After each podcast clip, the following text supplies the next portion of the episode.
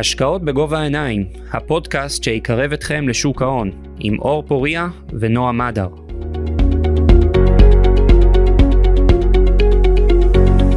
אחר הצהריים טובים, אנחנו שוב בפודקאסט שלנו, השקעות בגובה העיניים. אה, לצידי כרגיל, נועה מדר, אהלן, מה שלומך? אהלן אור, מה העניינים? מעולה. Uh, היום אנחנו מארחים את uh, יוטב קוסטיקה, uh, מנכ"ל ומנהל ההשקעות הראשי של uh, מור קרנות נאמנות, אחד מהגופים הטובים והמוצלחים בשנים האחרונות ובכלל בשוק ההון הישראלי. שלום יוטב, תודה, ש... תודה שהצטרפת אלינו. שלום, וכיף לחזור. uh, תודה רבה על ההזמנה. יוטב, זה באמת, uh, זה פעם רביעית. והבקשה בעיקר באה מהטוויטר הפעם. כן, טוב, הטוויטר נעשה מרכז הידע העולמי של, אה, של שוק ההון, שוק ההון בכלל, ואני ממשיך לפרגן לך כל פעם אתה משתדרג בציוד ובטכנולוגיות, אז... אה, תודה, תודה. איפה אנחנו עושים את זה פעם הבאה? פעם הבאה נעשה בנוקיה, לא? רגע, זה כבר לא נקרא נוקיה, איך זה נקרא? אה, מנור המבטחים. מנור המבטחים. כן, יאללה. נעשה, נסגור אצטדיון. קדימה. Uh, באמת רצינו לדבר, לפני חצי שנה שדיברנו, uh, היה איזשהו פוקוס על האג"חים, באמת ראינו כבר את המרווחים נפתחים, עם, עליית האינפלציה, באמת הכדאיות עברה יותר לאג"חים, ועכשיו דווקא כמה דברים שהשוק עבר בחצי שנה האחרונה, ורצית לדעת איך אתה מסתכל על האסטרטגיה להמשך הדרך. אז, אז באמת uh, עברה חצי שנה. Uh, היינו, ב, אני חושב שבפעם האחרונה שדיברנו, אז העולם היה בסוג של uh, עוד, הוא היה בין חצוי עדיין לבין האם האינפלציה פה היא זמנית, או האם האינפלציה פה היא מה שנקרא סטיקית. ו, ובאמת ראינו שהתגובה, אגב, בשוק הישראלי היה לצורך העניין, היינו בסוג של דילי אחרי הברית. השוק הישראלי היה בזמנו בביצועי יתר די משמעותיים על הברית. מאז קרו כמה דברים משמעותיים. קודם כל, אני חושב שנתחיל גם לדבר על האירועים האחרונים, זה מה שקורה בבנקים. זאת אומרת, uh, בסופו של דבר, מערכת הבנקאות היא, היא הרבה פעמים פסיכולוגית, או, או בוא נגיד צריך לשים את הפוקוס, את הזרקור על איזשהו מקום, כדי פתאום, לה, כולם פתאום מבינים מה, מה זה נכסים uh, לפדיון וכדומה, ואולי נדבר על זה אחרי זה, אבל נכנסו כמה משוואות לתוך ה, ה, העולם, שזה קודם כל ירידה באינפלציה, אנחנו רואים כן האטה באינפלציה מצד אחד, מצד שני אינפלציית השירותים, שזה בעיקר מגורים, ממשיכה להיות חזקה מאוד ובעצם מקשה על הבנקים המרכזיים לבצע איזשהו מהלך של הורדת ריבית, מה שכבר ציפו בזמנו. היום אנחנו, יש קצת סימני שאלה בנוגע לזה, אבל לשאלתך, אנחנו היום נמצאים במקום שבהן, שבו התשואות עדיין גבוהות, התשואות האבסולוטיות, והפעם גם המרווחים, זאת אומרת הפרימת סיכון של האגרות חוב הקונצרניות מעל הממשלתי יותר גבוהות. זאת אומרת,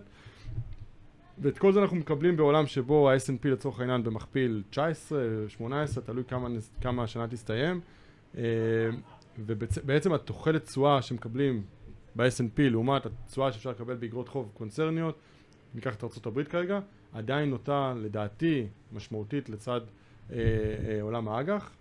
אנחנו נמצאים בסביבה שרק המק"מ, לצורך העניין, נניח שנייה לישראל, סגר רק לפני שבועיים בחמישה אחוז. מק"מ. מטורף. אנחנו פעם היינו, טורף. לפני שנה היינו אוכלים למישהו את הריאות. אפס אפס משהו. כן, היינו אוכלים את הריאות למישהו כדי לקבל חמישה אחוז. אפילו בדקתי וראיתי שהייתה תקופה, תקופה שהזרים היו קונים, ואז המכ"מים אפילו היו בצורה שלילית. כן. והכל קרה בשנה. אז אני חושב ש... ושוק המניות לא הגיב מספיק טוב כדי שאני אגיד, אוקיי, אה, האג"ח כבר לא מעניין, בואו נחזור לשם. הריבית הריאלית היא עדיין חיובית ואפילו חיובית מאוד. אז לא הרבה השתנה, רק קיבלנו סביבה יותר טובה, זאת אומרת היתרון לטובת אגרות החוב, לדעתי אפילו עלתה היום. האמת, מעניין שאתה, אם אנחנו כבר באמת מדברים על הנושא של, ה, של הריבית, מה שקרה עם הפד הוא במשך שנה אותת לנו האינפלציה הטרנזיטורית, כמו שאמרת. ואז מה שקרה באמת בשנה, עברנו מאינפלציה, מריבית 0 לריבית 5%. זה מה שהביא לנו פחות או יותר את מה שקרה ל-SVB לפני שבוע. נכון. אה, אז קודם כל, האם לדעתך, ראינו את הפד באמת לוקח אחריות, מגבה את SVB, כנראה בגלל שבפועל זה הוא זה שהביא לנפילה. עד כמה אתה חושב שזה יהיה דומה למצבים בעבר, שהוא ייתן גיבוי אה, לבנקים אחרים שיפלו? אה... אוקיי, okay, אז קודם כל אני חושב שיש לנו, בוא נגיד אם אנחנו מסתכלים על 2022 וצריך לאפיין אותו באיזשהו כותרת להיסטוריה, אז נקרא לזה שנת האינפלציה, שנת העלות הריבית, שנת המלחמה באירופה. עם כל זה אפשר להתמודד, זה לא נעים, יש פה הפסדים, היה הפסדים מאוד uh, בארצות הברית, הפסדים גדולים, מניות טכנולוגיה מנופחות שהתרסקו, מחירי הנדל"ן שמתחילים uh, לרדת, אבל עם כל זה אפשר בסופו של דבר להתמודד, כי הפד בבנקים מרכזיים בכלל בעולם, יש להם כלי של ריבית שהם השתמשו בו, יש אמנם כאבים, אבל בסופו של דבר זה משפיע. אני חושב שכניסה למשבר שבו בנקים או מערכת הבנקאות מתחילה להיות תחת סימן שאלה, גם של משקיעים ובעיקר של חוסכים, היא הבעיה הגדולה. ואנחנו צריכים, אולי ציינת את סיליקון וואלי בנק, ורק צריך להבין בצורה מאוד פשוטה למאזינים מה זה אומר. זאת אומרת שאני, וזה לא היה אני, זה היה בעיקר חברות הייטק שב-2021 גייסו המון כסף, היו צריכים לשים את הכסף איפשהו, והבנק הזה היה מאוד יעיל, מאוד זול במימון שהוא נתן לאותן חברות, כי בנקים רגילים להתחיל להתעסק עם חברות שלא יודעות להרוויח ומראות לך רווח עוד חמש שנים, זה כן. פחות מתאים.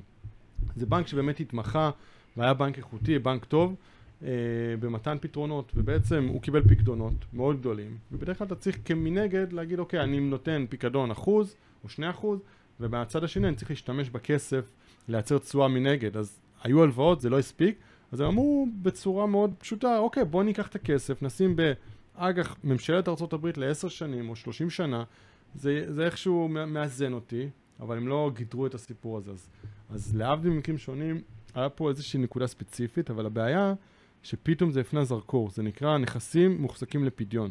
למה? כי הם לא משוערכים עדיין במאזן, אז זה הפסדים צבורים שאתה לא רואה אותם עדיין. ואז פתאום התחילו לעבור בנק בנק ולראות כמה ההפסדים הצבורים ביחס להון העצמי של הבנק. עכשיו, יש בנקים, זה התגלגל לסיגנצ'ר בנק ועוד כל מיני בנקים שאם אתה היום מממש את תיק אותם נכסים מוחזקים לפדיון, אתה מוחק 50% מההון העצמי, 30%, 100% מההון העצמי, וזו הבעיה. לכן, לכן אני חושב שה, שהפד בהחלט שם את זה בראש, זאת אומרת, דווקא ראינו היום את הבנק האירופאי מעלה את ריבית, למרות שהחוזים והצפי היה לאוקיי, בוא נראה מה קורה, יש פה כן, קרדיט סוויס. זה הפתיע אותנו האמת. הפתיע את כולם, אה, ולכן אני חושב, אבל, אבל זה בהחלט בראש של מקבלי, מקבלי ההחלטות.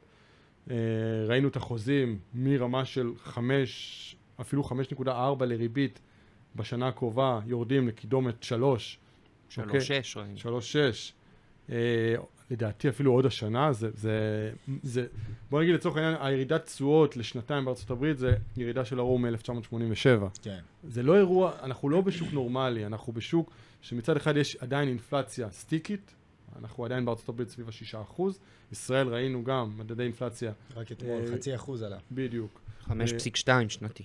נכון, שזה היה מעל הצפי, ולמה? כי בעצם אינפלציית המוצרים, שזה סחורות, זה, אז דיברנו על צים ושילוחים, נכון. שילוח, כל הדברים האלה דועכים, גם נפט דועך, מצד שני אינפלציית השירותים חזקה, היא לא נעלמת, ובדרך כלל ריבית לוקחת בין, בין 9 ל-12 חודשים, מה שנקרא להשפיע דה פקטו על, על אה, אינפלציה. התחלנו, אם אתם זוכרים, מלחמה באוקראינה התחילה לא בפברואר, התחיל במרץ, זאת אומרת שאנחנו, אני מעריך שבין מאי לספטמבר כבר נראה השפעות הרבה יותר משמעותיות על הצ, הצרכן האמריקאי, הצרכן הישראלי, אה, ביקושים שהיו מאוד חזקים מכל המלאי כסף שנוצר להם בקורונה. כבר רואים חודשים רבים שה... החיסכון הפנוי של הצרכן האמריקאי, לא רק שהוא ירד אפסית, הוא אפילו כבר שלילי, זאת אומרת, הם מה שנקרא אוכלים את המאגרים שלהם. אה, אז אני מעריך שאנחנו נראה את האינפלציה ממשיכה לדעוך, אבל היא פה, היא לא נעלמת כל כך מהר. אז יש פה מאבק בין מה אני עושה עכשיו, האם אני ממשיך להיאבק באינפלציה ואני לא חוזר ל... לטעויות שעשו בשנות ה-80, שהורידו מהר מדי כן. את הריבית, ואז האינפלציה עלתה ל-16%, אבל מצד שני יש לי בנקים ו- ו- ומה הבעיה בבנקים? שאם, וזה זה, זה אגב מתקשר גם לשאלה שלך על התשואות, כי, כי אני חושב שהנושא של עליית התשואות וכתוצאה מכך, כתוצאה מכך ההפסדים בתיק, תיק של הנכסים המוחזקים לפדיון, שם פוקוס מאוד מאוד חזק על התשואות. ולכן אני חושב שאם מסתכלים היום על התשואות בארצות הברית, לצורך העניין שירדו מ-4.05 ל-3.4, 3.5, אני חושב שהפד יהיה מאוד מאוד זהיר, אה, כדי לא להביא למצב שבו התשואות ממשיכות ועולות, כי זה יכול להיות נזק מאוד מאוד גדול לבנקים. תראה, ראינו ב-2022 שנה גרועה בשוק ההון, עם ירידות. כן. אה, אנחנו מניח שנסכים שהסיבה העיקרית היא העלאת הריבית, שבעיקר גרמה להיוון אה, בריביות הרבה יותר גבוהות של זרם התשלומים העתידי. נכון. אה, אנחנו רואים עכשיו שינוי משמעותי בציפיות, דיברנו עכשיו, לריבית קדימה. איך זה מבחינתך משנה את התמחור הנוכחי של המניות? האם זה הופך אותן ל... מיקרות אולי לזולות? ל- איך אתה רואה את המצב? אז אני חושב שזו השאלה המרכזית, כי כשהיינו בעולם של ריבית אפס, בואו שוב נחזור, זה נראה לנו כבר היסטוריה, כן. אבל זה רק היה לפני שנה. כשהיה ריבית אפס, כל אחד, בכלל להיות, בואו נתחיל מזה שלשים כסף בעו"ש זה היה, זה מה שהיו עושים, כאילו קרן כספית זה היה בדיחה, פיקדון בבנק היינו צוחקים, והיינו פשוט משקיעים בכל דבר שאפשרי, ובעיקר שוק המניות שאב את אותו כסף, כי גם שוק האג"ח לא ייצר לך, שמתי כסף וה... הריבית הריאלית הייתה שלילית, זאת אומרת נשחקתי, גם אם השקעתי במוצר כלשהו, שהוא מוצר חוב. ו... וכמובן שזה יצר כל הזמן ירידה בשיעורי ההיוון. זה נדל"ן, זה שיעורי היוון להערכות שווי של חברות, אה, זה שיעורי היוון במיליון ואחד אה, פרמטרים אחרים שקשורים לעולם ההשקעות. והיום שריבית חסרת הסיכון שלי, ישראל, ארה"ב, אירופה, לא משנה, היא בין שלושה לחמישה אחוז, אז יש פה כמה היבטים. קודם כל, מה שאני עושה בדרך כלל הרבה פעמים, אני אוהב להסתכל מה תשואת התזרים של החברה, אוקיי? כמה כסף, כסף החברה בסוף אחרי קאפקס, אחרי הוצאות הוניות, אחרי ריבית, אחרי עליות שכר שהיו מאוד משמעותיות, אינפלציה, אתה מדבר כמה על תזרים מזומנים תפעולי? תזרים מזומנים נקי. נקי, זאת אוקיי. כי בתזרים מזומנים נקי החברה בוחרת האם לחלק דיבידנד, האם לקנות חברות, האם לעשות buyback, וזה בעצם מה שאני מקבל חזרה. אז אני מסתכל כמה החברות יודעות לייצר תזרים נקי. והרבה, ומה שקרה בשנה האחרונה, זה שראינו הרבה מאוד חברות איכותיות, טובות, שהתזרים שהן מייצרות נמוך מתשואת האג"ח שאני יכול לקבל. ומה, מה, אנחנו יודעים מה הסיכון, סיכ- מה הסיכון בחוב בכיר לעומת שוק המניות, בטח אם. בסופו של דבר, הצופים אולי, אה, אתה יודע, כל אחד עם הסיכונים שלו, אבל ניקח את, ה... את ריקי כהן מחדרה כדוגמה למישהי שרוצה לשמור על הכסף ולעשות קצת יותר, היא יכולה לעשות את זה בשוק, בשוק החוב בצורה מאוד מאוד פשוטה, ואז העולם הזה מתחיל קודם כל להתגלגל לאיך אני עושה הערכות שווי לחברות. אם שמתי שיעור היוון 7%, 8%, זה כנראה עלה כבר ל... תלוי כמובן בסוג החברה, אבל זה עלה מכורח ריבית החסרת סיכון לקידומת דו-ספרתית, כי גם אנחנו נכנסים כנראה למיתון בעולם, בין אם זה יהיה מיתון אה, אה, טכני, זאת אומרת נחיתה רכה, שהכל סבבה ואנשים עדיין לא, אה, אנחנו לא רואים כל שני וחמישי אה, ארגזים של עובדים שמפוטרים, לבין נחיתה קשה שבו אנחנו נראה את ה-S&P, את רווחי החברות של ה-S&P יורדות דרמטית, ואז בוא נגיד אנחנו נהיה במצב הרבה יותר קשה. וזה הולך בסופו של דבר לעולם שגם בישראל מעסיק את uh, רוב האנשים, זה נדל"ן. Uh, עכשיו, זה נדל"ן למגורים, אפשר לדבר על זה, זה פחות קשור לשיעורי היוון. נדל"ן מניב, בוא, בוא נדבר שנייה על נדל"ן מניב בעולם. אני רוצה, גם אם אתה כבר מציין נדל"ן מניב, יש לנו את העניין הזה של אם אנחנו מסתכלים בכל העולם, ראינו את אלוני חץ זה הכי טוב להסתכל עליו. אתה רואה שבכל העולם, הוריד את, כאילו כל המקדמי היוון עלו, מן הסתם שערוכים כלפי מטה, לעומת זאת בארץ, כן, איך קרא לזה כצמן, ארץ הפלאות הוא קרא לנו פה. כן, אז אוקיי, אז, אז תראה, אני, אני רוצה לשים את, אני רוצה לפני שנדבר, רק לתת כמה נקודות מאוד חשובות כדי להבין את ישראל לעומת העולם. בישראל, שוק המשרדים לצורך העניין, גם המסחרי, יש הצמדה למדד, אוקיי? ארה"ב אין הצמדה למדד. עכשיו, תיקחו חברות הברית של משרדים, בוסטון פרופרטיז, אסל גרין, אלכסנדריה, חברות מאוד טובות, ש, שהיום נסחרות מתחת לשווי שהם היו בקורונה. כן. אוקיי? אנחנו, אני מדבר על עולם שבו ב-2020 חשבנו ש... סגור. בדיוק, הכל סגור, אין מימון, הכל מת. היום המחירים הרבה יותר נמוכים. למה? אין הצמדה למדד, בישראל יש הצמדה למדד. זה הבדלים עצומים, זאת אומרת, פה חמישה אחוז עלה, פה זה יורד.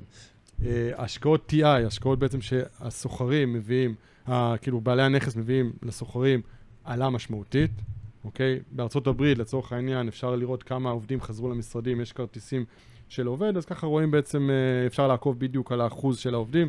בישראל זה כנראה קרוב ל-100, שוב, התרבות של חזרה לעבודה זה כבר נעשה סוג של תרבות ארגונית שאנחנו מאפשרים, אבל כולם חזרו למשרדים. בארצות הברית אנחנו מדברים על בערך 50 ל-60 אחוז, ניו יורק וסן פרנסיסקו בעיקר תחת הלחץ הזה.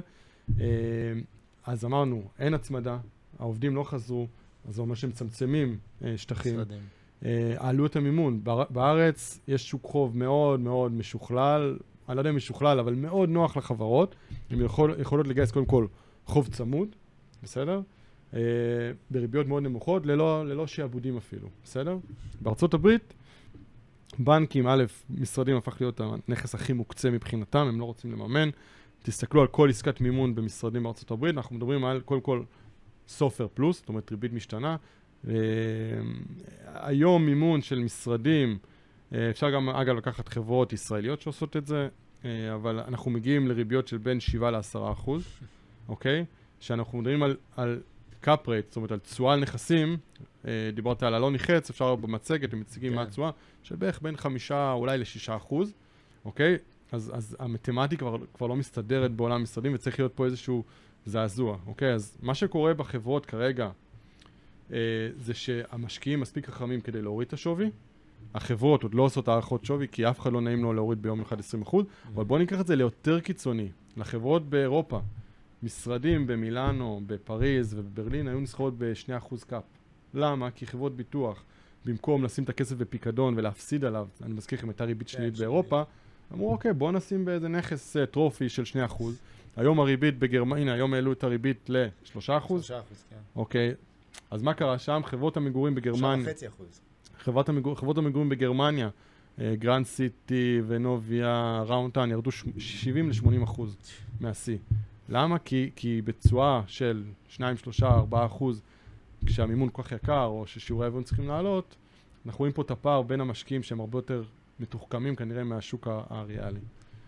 מה זה אומר לדעתך על שוק הנדל"ן בישראל, שאנחנו בעצם רואים, נדל"ן למגורים אני מדבר, שמשכנתה היום זה 5-6 אחוז ריבית, תשואה משכירות 2-3 אחוז, אין שום היגיון כלכלי ללכת נכון.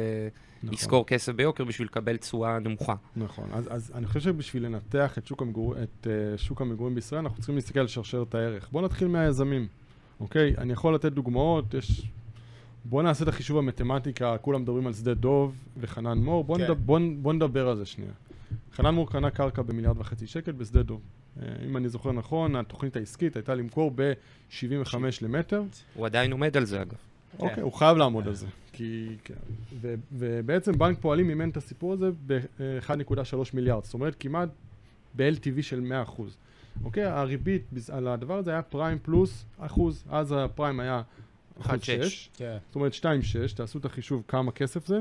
היום הפריים, 6.75. אוקיי, זה אומר שמריביות של בערך אה, 20-30 מיליון שקל בשנה, אוקיי, גם אם... פי ציפ- 4. על 140. אנחנו מדברים פה על 90 מיליון שקל בשנה, על קרקע שאפילו לא התחילה להימכר, ויש הרבה כאלו, אוקיי? כל מי שעשה עסקאות קרקע ב-2021 במימון של ריבית משתנה, נהרס. עכשיו, למה אני מתחיל? כי זה שרשרת הערך, אוקיי? זה צד, צד הקבלנים, ש, ש... שוב, לי היו הרבה שיחות עם אה, חברות, ש... נגיד יוני, יולי, ס- ספטמבר, הם היו מאוד אופטימיים שהנה זה מעבר לאופק, הנה שיעורי... משקי הבית כל הזמן עולים, וזה נכון, אבל בסוף צריך היגיון בריא בשביל שאותו צד, ואני לא, לא מדבר בכלל על זה שצד הביקוש נתמך מאוד על ידי חברות. סטארט-אפ, הייטק, היו פה גיוסי עתק ב-2021, היו פה אקזיטים, היו פה... אה, כל עובד שני בהייטק היה מיליונר על הנייר, אוקיי? ו- ואין מה לעשות, זה מה שנקרא תחושת עושר. תחושת העושר יכולה להיות מאוד מסוכנת כשזה על הנייר. אז בעצם גם היו הרבה כאלו שקנו דירות, אז בוא נגיד, בוא ניקח הנחה שכל מי שקנה יכול גם להשלים את הרכישה. לא בטוח, אבל בוא ניקח את ההנחה הזאת. אבל זה כרגע סגמנט שהיה מורכב מעשרות אלפי אנשים שידעו לקנות דירות במרכז, לא קיים יותר, כן. אוקיי? זה, זה לא קיים יותר. צד הביקוש מאוד נחלש, משקיעים זרים, כן ולא, השקל מאוד התחזק להם, אז פתאום לקנות דירה בת, בתל אביב אה, נעשה משימה הרבה יותר יקרה עבורם. אולי עכשיו אה, ראינו את היורו ואת הדולר מתחזקים, אולי זה יחזיר קצת זהו, אה, זה. דווקא... ו- ובכלל, כל המצב הפוליטי פה, אה, לדעתי, מעכב אה, החלטות, ברור. כי אתה תמיד רוצה, אנשים אוהבים ודאות, וברגע שיש פחות ודאות, אנשים אומרים, שנייה, אני הולך לשים את כל ההון העצמי שלי על משהו, בוא נחכה ונראה מה קורה פה. כן, המדינה נראית תקועה כבר חודשיים. ואתה יודע נו, מה הקטע? תמיד, תקועה זה- תרתי משמע. תקועה תרתי משמע. זה תמיד ציפיות ממה שמגשימות עצמם. למה? כי בדיוק. כי כשהכול היה בטירוף, יאללה, בואו, מה קונים, פה. היום מה? כולם אומרים, שנייה, בוא נחכה. ומה, בוא נחכה זה יגרום בהמשך ירידות מחירים. אה, כבר עכשיו, ראינו חמישה אחוזים ירידה בדירות חדשות אז, מקבלן. אז בואו ניקח שוב שוק ריאלי אל מול שוק שכיר. חברות המגורים בישראל, אוקיי? כמעט כולם, הנה היום ראיתי ישראל קנדה ירדה מתחת לאחד על ההון. אה, כל חברות המגורים בישראל נחתכו בערך בין 40, 50 45. ל-80 אחוז. במחיר, אוקיי? כולם מתחת להון, זאת אומרת כבר לא, לא מקבלים פרמיה. הרי מה זה להיסחר על 2 על ההון? זה אומר שאני מסתכל. בדיוק, אני מסתכל על, על, ה- על הקרקע שיש לך ושהיא רשומה אולי בספרים בשווי היסטורי, אבל אני יודע שהיא שווה פי שלוש, כי מוכרים ככה כמו לחמניות נכון. וירוויחו על זה, אני מאבן את זה בשיעור ריבית נמוך, אפס. היום הכל השתנה, אוקיי? אז אין, אז, אז, וצד הביקוש נחלש, הקבלנים מתחילים להיות בלחץ, כי הם חייבים למכור, הבנק אומר להם, "א- איך זה עובד בסוף? אתה, אתה בהסכם ליווי, הבנק רוצה לראות שאתה אתה מוכר, אז עזבו שבכלל כדי לצאת לדרך, בנק דורש בדרך כלל פריסל של 10-15% מהפרויקט, ובמצב הזה הוא גם ידרוש מהיזם, בשיא האופוריה, היזם היה צריך להביא 7-8% הון עצמי, שבעצם חברות כמו מניף, אשראי חוץ בנקאי, יד, ידעו לתת לה את ההשלמת הון עצמי. אין יותר את החברות שמביאות השלמת הון עצמי, הבנק עכשיו דורש 15-20% הון עצמי, אז כל המערכת נכנסת להקפאה, ולכן בעיניי שוק המגורים אה, במצב שהוא יהיה מאתגר, אבל שוב, ניתוחי מקרו קדימה, אין ספק שיש מחסור בבנייה, תהליכים פה מאוד איטיים, ברור. הישראל היא מאוד חריגה על ב-OECD בצמיחת אה, משקי בית, אז, אז, אבל אני חושב שאם מסתכלים שנה, חצי שנה קדימה, אתה יהיה יודע, פה דיברת אתגר. על זה שאלעד קנדה ירדו אחד על ההון. אלעד ישראל. קנדה- אה, ישראל- קנדה, אלעד קנדה זה היה, כן. כל פעם אני מתבלבל. איתו. אה, אז אה, ישראל קנדה ירדו מתחת לאחד על ההון, והם עוד קנו נכסים באמת ביחסית יקר. אני ראיתי שעוד רגע הזורים יורדת מתחת לאחד על ההון, והזורים יש לה קרקעות שהן הם משוע... אתה יודע כמה הן היסטוריות, כאילו לחשוב כן. שהיא יורדת מתחת לאחד על ההון זה באמת הזוי.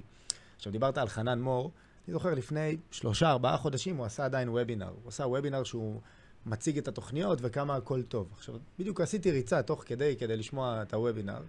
רצתי, ואני שומע אותו עם אותן סיסמאות של עשר שנים, ממש חוזר עליהם. אני אמרתי, בואנה, הוא, הוא לא מחובר.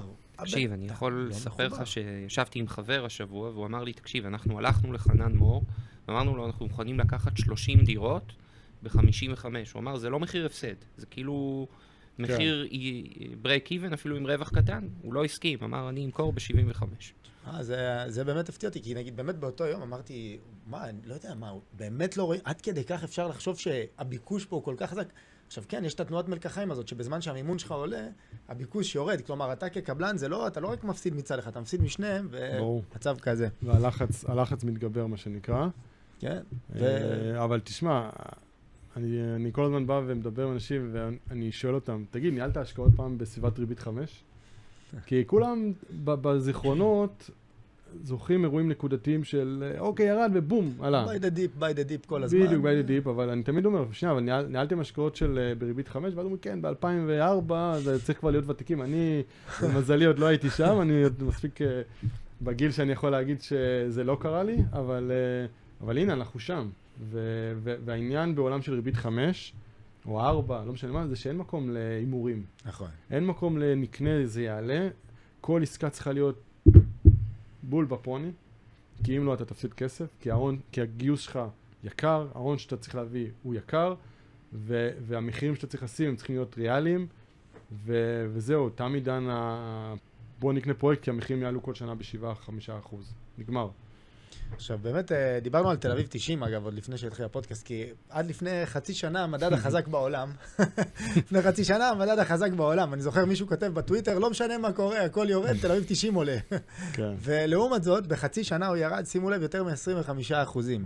כלומר, מהמדד החזק בעולם, כרגע הוא המדד אולי הגרוע בעולם, ובגדול, זה לא שהוא מפוצץ טכנולוגיה וירד אה, כמו הנסדק, אבל בגלל סיבה מסוימת. זה, ממה זה קרה? אני אסביר, אני אסביר לך מה, מה דעתי, למה זה קרה. אמ, תראה, זה כמו שאתה עכשיו אה, נכנס למסיבה, אוקיי? ויש דלת אחת יציאה, ופתאום אה, פורצת שרפה. אוקיי? מה, מה שקורה בדרך כלל, כולם רצים, לא מצליחים לצאת, וזה בדיוק מה שקרה. עכשיו בקבוק כזה. פדיונות בקרנות נאמנות. לא רק, לא רק, תראה, הרבה, הרבה קרנות גידור אה, הגדילו בצורה משמעותית החשיפה שלהם לתל אביב 90, קרנות נאמנות, תל אביב 90. אה, בכלל, כמו שאמרת, זה היה המקום הכי חם ופופולרי להיות בו, כשכל זה קורה בזמן שהמדד הזה הוא מאוד לא נזיל. אוקיי? הוא מאוד לא נזיל. הנה, סתם דוגמה, נפתח המסחר היום ב-AMD, מיליארד דולר אה, אה, מסחר על, על הפתיחה. תבינו, כאילו, פה בשביל לצאת... כל השוק בארץ לא עושה... בשביל לצאת מנייר בתל אביב 90, אוקיי? אתה צריך פה בערך, נגיד אם אתה בפוזיציה יפה, אתה צריך חודשיים. אז יש פה בעיה של יציאה מהדלת, שכולם רוצים לצאת מהדלת, כי שוב, זה מתחיל להתגלגל. שנייה, בוא נצא לחו"ל, בוא... אה, לא, אני לא רוצה להיות עכשיו בחברת uh, מגורים בישראל, שבמקרה נסחרת בתל אביב 90.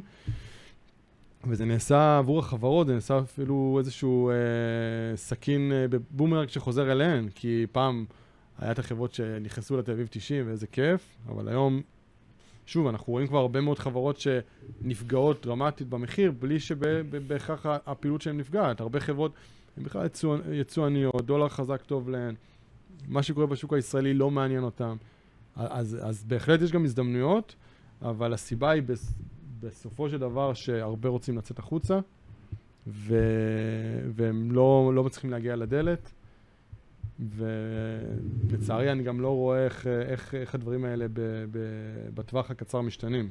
המומנטום הוא, הוא, הוא באמת פחות טוב כרגע למניות היתר, מניות הקטנות, אנשים מחפשים נזילות, אנשים מחפשים אה, כן. מדד, מדד היתר בכלל אין מה לדבר, זה, הוא ירד ש... 30 אחוז שנה שעברה. מדד הבית קברות. מדד הבית קברות, אני באמת חושב שיש איזושהי בעיה עם המבנה שלו בכלל, שזה מה שהבורסה צריכה לטפל בו, המבנה שלו, שעד שחברה מצליחה להתחזק, היא יוצאת ממנו כלפי מעלה, כן. ובינתיים חברה מאוד גדולה נכנסת כדי להוריד אותו, זה... יש פה בעייתיות מאוד גדולה, זה לא ה-35 וה-90 שעוד איכשהו ה-90 מכפר על זה. גם שם חשוב להגיד, כל החברות האלו, בארצות הברית בדרך כלל אין אפילו בעלי שליטה. פה בארץ, כל אה, חברה יש 60 אחוז בעל השליטה. כן. עוד 15 אה, אחוז יושב באיזה, באיזה קרן מפעלית שבכלל אה, לא יודעת, לא נוגעת בנייר, ואין לך בכלל הון צף. תראה, בארץ יש לך את הנושא הזה שבעלים של חברה גדולה, הוא בכלל לא מנפיק אותה. מה, תראה את כל היבואני רכב, צ'מפיון מוטורס כאלה וזה.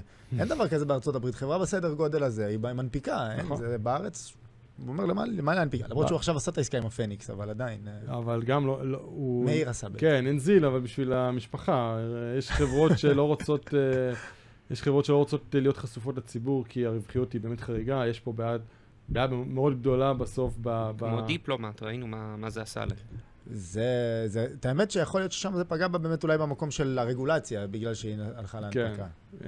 דווקא דיפלומט, כשאתה מסתכל על שיעורי רווחיות, לא כאלה גבוהים. אני יותר, ייקחו ככה, זה, תסתכלו שיעורי רווחיות, הם, הם בסוף מפיץ. כן, הם לא, הם לא כאלה גבוהים. זה...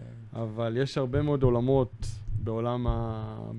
אגב, בגלל זה גם בהתחלה יצאה איזושהי אה, ידיעה, בוא... ואז הבינו, סמוטריץ' אמר, שנייה, בוא, אנחנו צריכים לעשות שיעורי בית. הוא אמר את זה בעצמו נכון. בריאיון, לא למדנו מספיק טוב את הנושא, נעשה שיעורי בית ונגיע עם, עם החלטות אחרות. כן. אמ, כן. אם, אם כבר uh, באמת ציינת דיפלומט, יש נושא יוקר המחיה. כן. עכשיו, הרבה באמת מדברים על uh, דיפלומט, דיברו על הנדל"ן, דיברו על הרבה דברים. אבל כרגע לא נראה שזה בדיוק הפתרון. אוקיי? לא, לא נראה שבאמת דיפלומט זה מה שיפתור את זה. הנדל"ן הוא סיפור בפני עצמו, אם אנחנו מדברים על שכירויות, זה מן הסתם נגזרת סוג של הנדל"ן, כן. מחירים והכול. מה לדעתך באמת זה משהו ש, uh, שיכול להגיע מכיוון הבורסה, שאולי יכול לקדם משהו כזה? הבורסה, לצערי, לא יכולה לקדם את זה. אה, הצעדים היחידים, מה זה היחידים? הממשלה אחראית על יוקר המחיה. היו הרבה מאוד עולמות שבהן הממשלה החליטה לפעול, סתם, אפילו ברמה, בוא ניקח שוב את המקרה הידוע של עולם הסלולר, בסדר? אה, אז ב- ביום אחד שיעור ההוצאה על הסלולר ירד במאות שקלים. עכשיו אני אשאל אותך, כשאתה נוסע לחו"ל, אוקיי, אתה קונה חבילה, אתה, אתה משלם בערך 200 ל-300 שקל על איזה חבילה מסכנה שנגמרת אחרי שלושה ימים. אתה יודע שהיום אם אתה לוקח את האיסים, אתה יכול לקנות את זה בעשרה שקלים או עשרים כן. שקלים ואתה מכוסה. כן. אז ברור שיש לנו פה עיוות שוק, למה זה קורה בכלל? למה הן גובות 300 שקל על חבילה לחו"ל? סתם זרקתי נושא. כן. Uh, כמובן, מכסים. מכסים זה בעיה מאוד מאוד גדולה. יש פה לובעים מאוד חזקים ששומרים על ענפים מסוימים כדי שלא ייפגעו, למרות, ובעצם מי שמממן אותם זה אנחנו, הציבור. אה, יבוא, יבוא מקביל, יש פה הרבה מאוד עולמות, קחו את גוד uh, פארם, מה שהם עשו בעולם, תשוו מחירים פה למקבילות שלהן, והרבה זה מניהול יעיל יותר, יבוא, יבוא מקביל, אה, יכול להיות פה הרבה יותר זול. יכול להיות. עכשיו, בואו בוא נשים שני דברים על השולחן. זה שהיורו והדולר מתחזקים היום, זה לרעה. זה לרעתנו, כי היינו כבר מזמינים מאמזון, ופתאום, הנה, הזמנתי עכשיו חופשה. אם הייתי מזמין לפני חודשיים, הייתי חוסך 15%. כן. רק על מטח. רק על כן, מטח. כן, כן. אז, אז איך אני אומר, איך אני אומר חברים, לפחות כשהייתי טס לחו"ל, הדברים היו זולים, עכשיו גם זה אה, כבר יותר יקר, אבל עדיין, אה, עדיין כוס, אה, כוס אפרול שפריץ באירופה יעלה לי חמישה יורו, ובארץ אה, 70 לא, שקל. אין, אין ספק שהבילוי בארץ אה, יקר מאוד, זה עולם אחר. כן, כן. בסדר, משהו נוסף? טיפ קטן שלך אולי למשקיעים, לסיום, משהו, ש... נושא שהיית רוצה להתייחס אליו? אה, טיפ, אה, אני חושב שאולי אה, צריך לדבר, אה, צריך באמת חשוב מאוד, אנחנו בתקופה שקודם כל הידיעות וה, והטוויטר, וחד... אנחנו מוצפים במידע. מוצפים. ואני חושב שבסופו של דבר מי שמקשיב ומנהל לעצמו את הכסף, משקיע לבד, אני חושב שמאוד חשוב לנטרל רעשי רקע. זאת אומרת, תמיד לנסות ללמוד את הדברים, להכיר, לא לעשות דברים אימפולסיביים, לא לקנות כי מישהו המליץ ולא למכור כי יצאה כותרת בעיתון.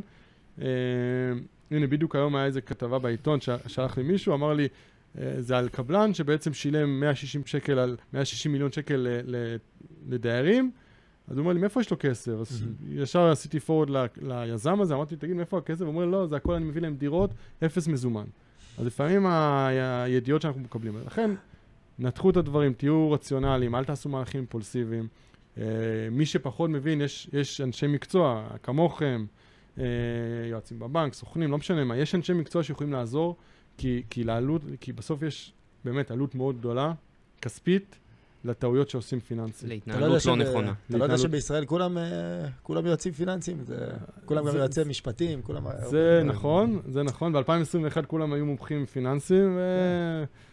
אתה אתה זוכר? יודע, זה מצחיק, מה, מהצד שלנו, האנשים שבאמת מבינים, הם תמיד יתקשרו לשאול את דעתך, להתייעץ וכאלה. אנשים שאין להם שמץ של מושג, אני אתקשר, אני רוצה לעשות ככה וככה, ו- ו- ואתה צריך לשכנע אותם, ולא תמיד זה מצליח. אז זה, זה האמת ממש שזה ככה. נקודה יפה. נכון, לא נכון. חשבתי על אנחנו. כל הזמן מדברים בינינו, כל מי שמתעסק בהשקעות, כל הזמן אנחנו מתכתבים וזה וזה, אבל בסוף בא אלינו איזה לקוח, אומר לי, תקשיב, אני רוצה לעשות ככה, זה מה למה? שנכון." כי הוא ישב בפרלמנט עם החברים. והוא אמר לו עשיתי ככה, והוא רוצה לעשות ככה. וזה תמיד מתבסס, אתה שואל אותו, אבל מה ההיגיון? לא, יקרה ככה וככה, והוא תמיד בטוח ויודע, נכון. ומשהו... זה, זה מדהים. לגמרי, לגמרי. אז אה, כן, תקופה מאתגרת, צריך להיות חכמים עם ההחלטות. יוטב, תודה רבה, בכיף, תמיד כיף. תודה לכם. תודה על הזמן, ושמחנו מאוד לארח אותך. בשמחה, בשמחה גם אני. תודה שהייתם איתנו. תוכלו להאזין לנו בפלטפורמות הפודקאסט הנבחרות, אפל, ספוטיפיי וגוגל.